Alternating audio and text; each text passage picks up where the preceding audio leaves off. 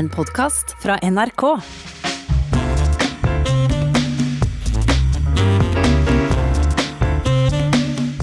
Vi har akkurat kommentert valgkamp og politikerne sine ulike krumspring.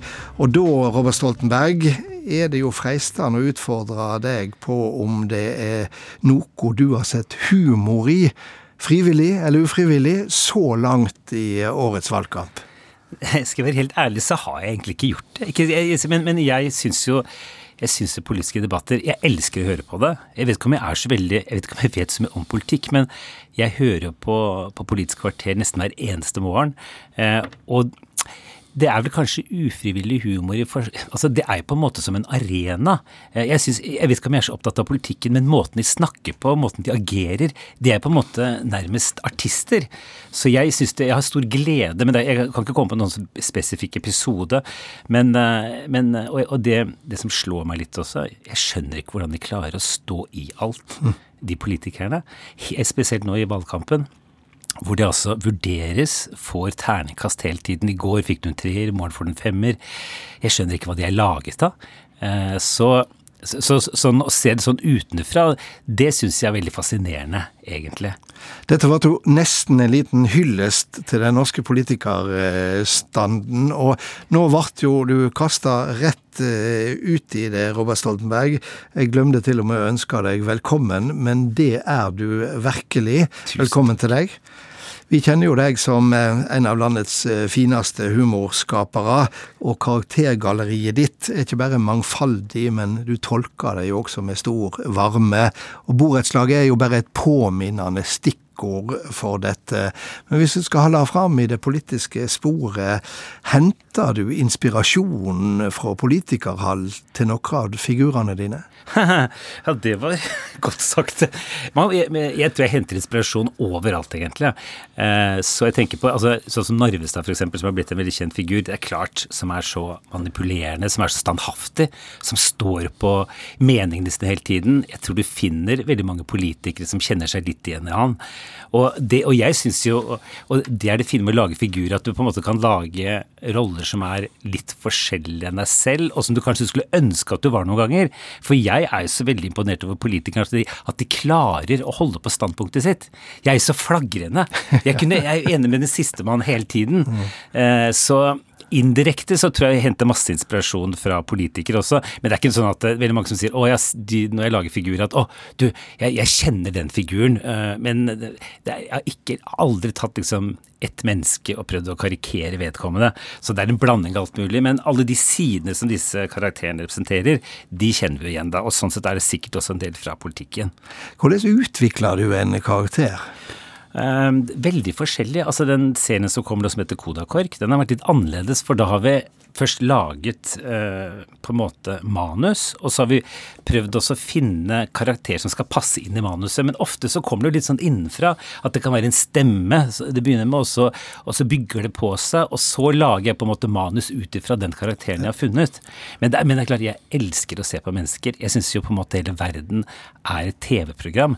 Eh, så jeg kjeder meg veldig sjelden. Jeg kan ha alle mulige, altså alle mulige andre fasetter av følelser. Jeg kan være trist, lei meg, deprimert, glad lykkelig, men jeg kjeder meg sjelden. Det er fordi at for man går ned i sentrum, altså gå rundt på Grønland eller, eh, eller her på vestkanten og se folk Jeg blir aldri lei av det. Nå snakker du Oslo og Bygde-Norge, da? Ja, det kan du si. Nettopp, ja. Men det er jo ja, akkurat Man burde bevege seg litt mer ut av Oslo også. Men det er også veldig spennende. Og folk er veldig forskjellige. Det er, det er nesten, mellom oss sagt, nesten litt gjevere å være litt kjent når du kommer litt ut av Oslo, for her er jo folk veldig plasserte. Mm. Det er jo ingen som hever et øyenbryn, i hvert fall ikke her på vestkanten, fordi du liksom er en halv kjendis. Mm. Men det må da ofte være en hårfin balanse mellom det som fungerer og det som på en måte faller gjennom når du skal utmeisle eh, karakterene dine, og humor generelt. Absolutt. Og det er jo som du sier en hårfin balanse. Og jeg er nok veldig sånn litt chicken på en måte der, at jeg trekker meg veldig fort. Så jeg spør de rundt meg men kan vi gjøre dette. For jeg er veldig redd for Jeg er kanskje det høres litt sånn feigt ut, men jeg er redd for å såre mennesker. Jeg tenker at som komiker, og spesielt når man kanskje er ung og du har på en måte en flokk rundt deg, så har man et ansvar. For det er veldig fort gjort. Det er som å stå i en, en, en skolegård på ungdomsskolen og si vet du hva, nå, eh, nå tar vi henne, på en måte, og så blir alle med. Så jeg tenker at det er viktig å være klar over den rollen man har som komiker, og så gå litt forsiktig.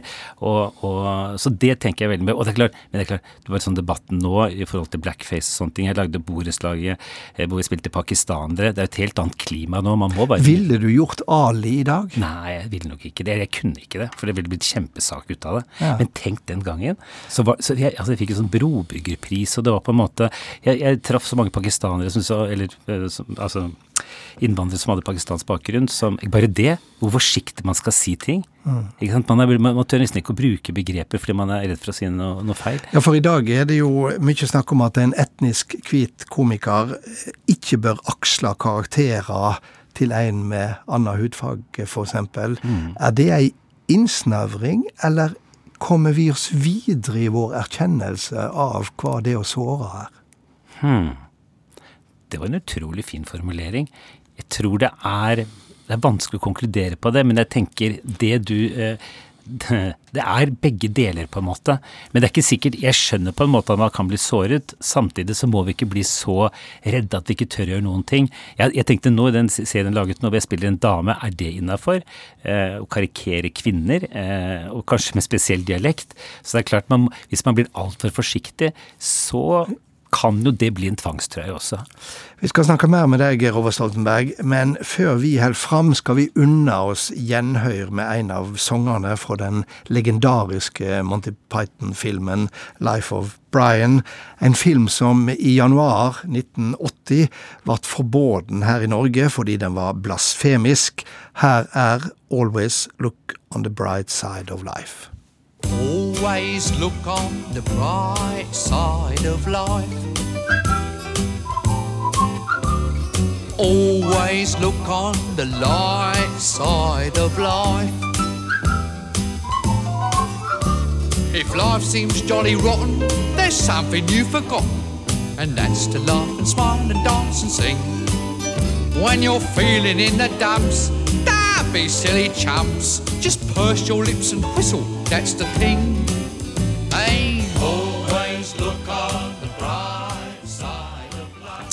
Ja, vi har eh, stadig en av Norges mest eh, folkekjære humorister på besøk, eh, Robert Stoltenberg. Det er fremdeles hyggelig å ha deg her. Er det pussig, syns du, å tenke på at Life of Brian ble på bået av Statens filmsensur for 51 år siden? Oi, var den det, altså? Ja. Hva for bål? Den var forbudt, og så ble den tillatt, men da med en fortekst som presiserte at Brian ikke var Jesus. Dessuten var det noen scener som var uten tekst. Og det syns jeg er så pussig, for den påståtte blasfemien ble liksom mildere om den ikke var oversatt til norsk. Nei, men at det går, ja. Så det var, var, var det Norge den var Ja, nei, er det sant? Nei, det det overrasker meg veldig. I, I Sverige så reklamerte filmen med, med reklamen 'Filmen som er så morosam at den er forbudt i Norge'. Nei, sier du det? Det sier jo noe om Norge. Og vet du hva jeg tenker på det? En som har, eh, Hva er liksom nasjonalbildet til nordmenn? Altså Danskene har jo hipp hipp hurra, hvor de står der med glasset. Det, var, det er en foredragsholder som sa dette her, da. Liksom, de hyller livet. Mens vår liksom nasjonal Altså uttrykket for oss, da, på en måte, det er skrik.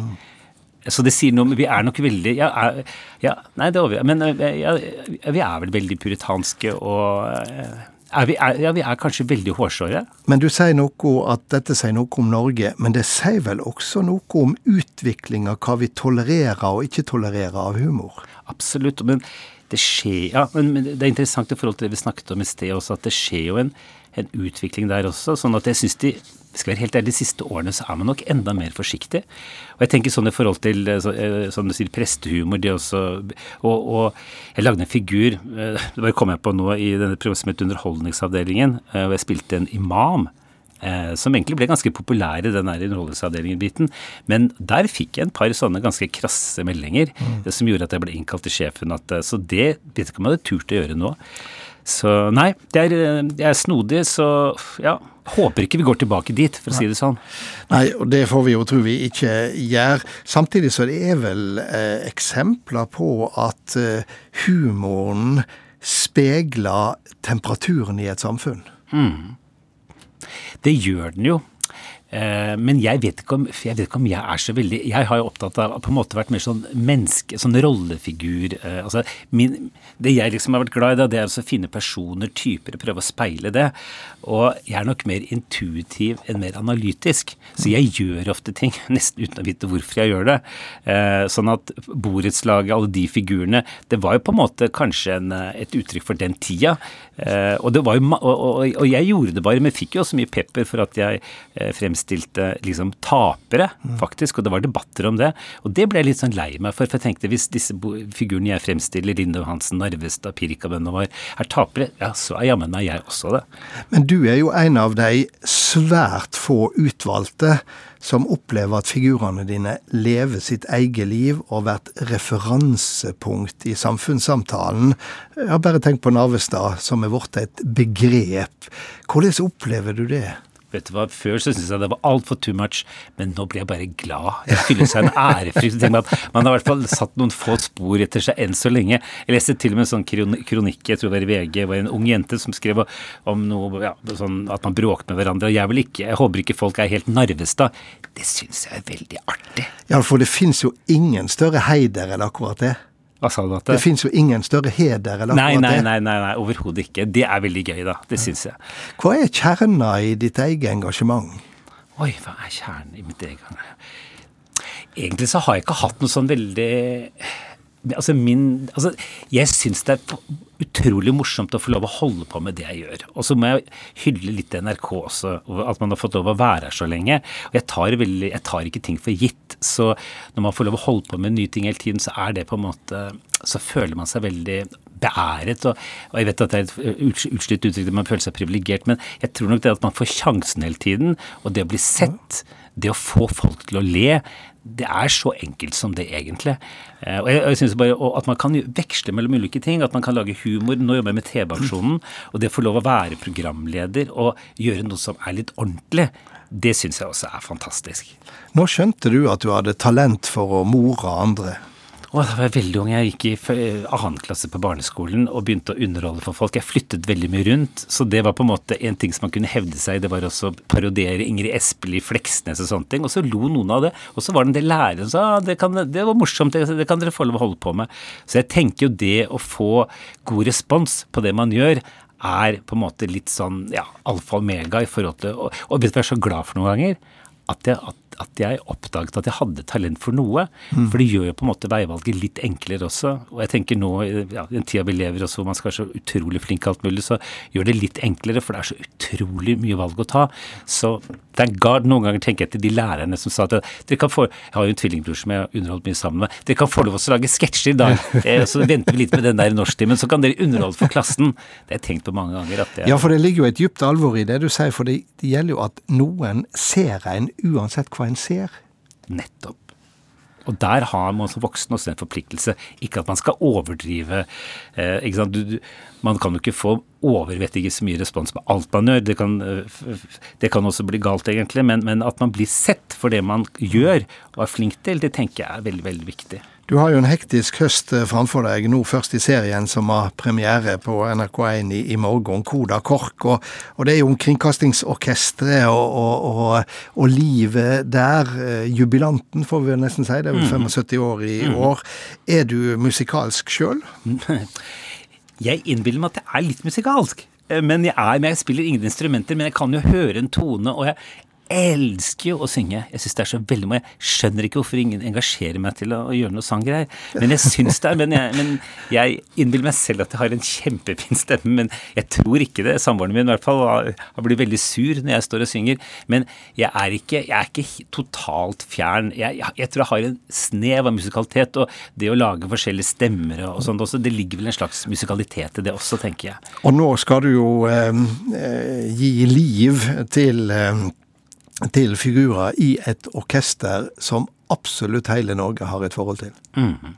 Og det har vært veldig morsomt å få lov å jobbe med det. Og jeg syns jo KORK, eller Kringkastingsorkesteret, som du sier, fyller 75 år. Det har vært, en, det har vært så utrolig morsomt å få jobbe Og det er så gøy med den jobben jeg har at man får lov å dykke ned i ulike miljøer. Så plutselig er det på en måte altså, Jeg visste jo ingenting om KORK, men nå Altså hvordan det miljøet fungerer, hvor, hvor, hvor, alvorlig de selvfølgelig tar jobben sin, hvor ekstremt disiplinerte de er. Det er en stor gave å få lov til å hoppe rundt fra den ene jobben til den andre. En dag er det musiker, en dag så er du en annen dag så er du vaktmester, en tredje dag så er du kanskje ja, så er du hjemmeværende, sånn som Jeanette. Hva spiller det? og en fjerde dag så skal du være programleder i eh, årets TV-aksjon, som jeg vet også er meningsfylt eh, for deg. Vi eh, gleder oss veldig til å se deg som musiker i KORK. Og så begynte vi jo å snakke om valgkamp og politikere, og, og kanskje vi skal slutte der også. for jeg har hørt et rykte, jeg vet ikke om det er sant, eh, om at eh, du faktisk er oppkalt etter en amerikansk politiker? Ja. Det, det er det ingen som har kommentert før. Jeg er oppkalt etter Robert Kennedy. Ja. Som var presidentkandidat, ja. men som ble så tragisk eh, skutt eh, i 1968. Hvorfor, hvorfor det? Hva, jeg... Ikke at han ble skutt, men hvorfor ble du oppkalt etter han? Jeg tror, eh, Nå lever ikke moren min lenger, men jeg tror det var hun som insisterte på at jeg skulle hete Robert. Jeg tror hun bare var veldig svak for han. Og han var jo en kjekk mann òg, da. Så jeg tenker at jeg, jeg, jeg kan leve godt med det.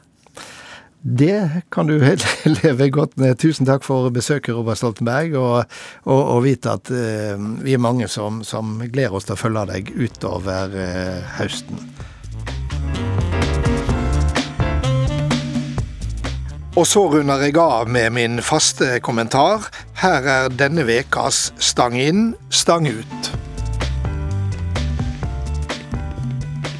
I flere veker nå har det vært bråk i den norske hoppleiren. Frontene er steile, og det verker ikke som om det er ei fredelig løsning i sikte. Det er trist, og det tvinger fram kritiske spørsmål til idrettslederne. For det er ikke noe nytt at det ulmer på topplanet i norsk idrett, og noe av mønsteret går igjen. Ikke minst ser vi gang på gang toppledere som gjemmer seg bak lukka dører når striden utspiller seg. Det er gjerne en eller annen kommunikasjonssjef som blir sendt i den offentlige krigen, mens generalene holder seg unna. I alle høve så lenge de kan. Slikt er ikke bra. Det er i det hele tatt påfallende hvor defensive idrettsledere eh, er i et åpent samfunn som vårt, i alle høve mange av dem. De forvalter idrettsinteresser til et helt folk, men er ikke akkurat rause med å dele informasjon med oss når det blåser opp til storm. Det er som om vi aner konturene av ei haldning som innebærer at vi andre ikke har noe med det som skjer i idretten sine organisasjoner. Men det har vi sjølsagt. Idrett er et nasjonalt felleseie, det er også det som går føre seg i organisasjonene deres. Også om det dreier seg om høgprofilerte personer i konflikt, som det jo ofte gjør. I det hele tatt er det mange sider ved toppidretten som er blitt sterkere problematisert de siste åra, og det med god grunn, og slett ikke bare i norsk kontekst. Ikke minst gjelder det hvordan undertrykkende regimet kjøper seg internasjonal goodwill ved å få store idrettsarrangement lagt til sitt eget land. Vi ser det med fotball-VM i Qatar og OL i Beijing, og vi ser at idretten let seg kjøpe. Ja, til og med den ferske norske OL-vinneren i triatlon er med i et såkalt privatlag i menneskerettighetsverstingen Bahrain. Hva han nå har der å gjøre? Sportsvasking er et nytt begrep, men fenomenet er jo ikke nytt. Det er heller ikke den manglende viljen til å gjøre noe med det. Det er heldigvis svært, svært langt fra internasjonal sportsvasking i den helt store stilen og til bråk i den norske hoppleiren. Den eneste flik av likskap måtte være at vi trenger det mediesøkelyset som er retta mot slikt. For idretten, den tilhører oss alle. God helg.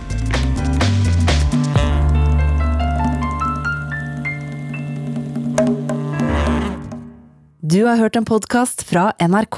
Hør flere podkaster og din NRK-kanal i appen NRK Radio.